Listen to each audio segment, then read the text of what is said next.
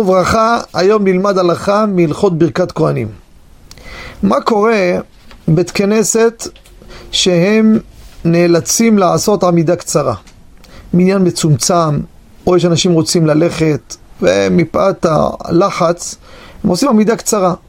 חזן אומר בקול עד, אחרי קדושה, אחרי אתה קדוש, וממשיכים בלחש. מה יעשו עם ברכת כהנים? יפסידו ברכת כהנים?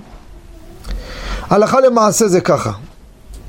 הכהנים הם יסיימו את העמידה והחזן ימתין, לא יעבור, ימשיך את רצה.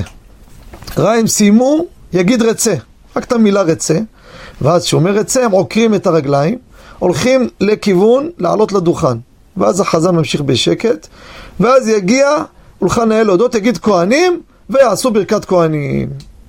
אבל אם המניין הזה הוא קבוע, מתנהל בעמידה קצרה, ופה אם אני אגיד להם לעשות ככה, זה לא יחזיק מעמד, כי יש פה טרחה דציבורה. חזן צריך להמתין עד שהם יגמרו. מקרה כזה, הם אפילו באמצע העמידה יעקו רגליהם ויעשו ברכת כהנים. כשהחזן יגיד רצה, יאללה, תתכוננו כבר. לכן הכי טוב שהם יעשו, יעמדו בעמידה איפה שקרוב להיכל. ואז יעמדו, יסתובבו, יעשו ברכת כהנים, ואחר כך ימשיכו את העמידה עד סוף העמידה בלחש כמו שהם צריכים להמשיך. תודה רבה וכל טוב.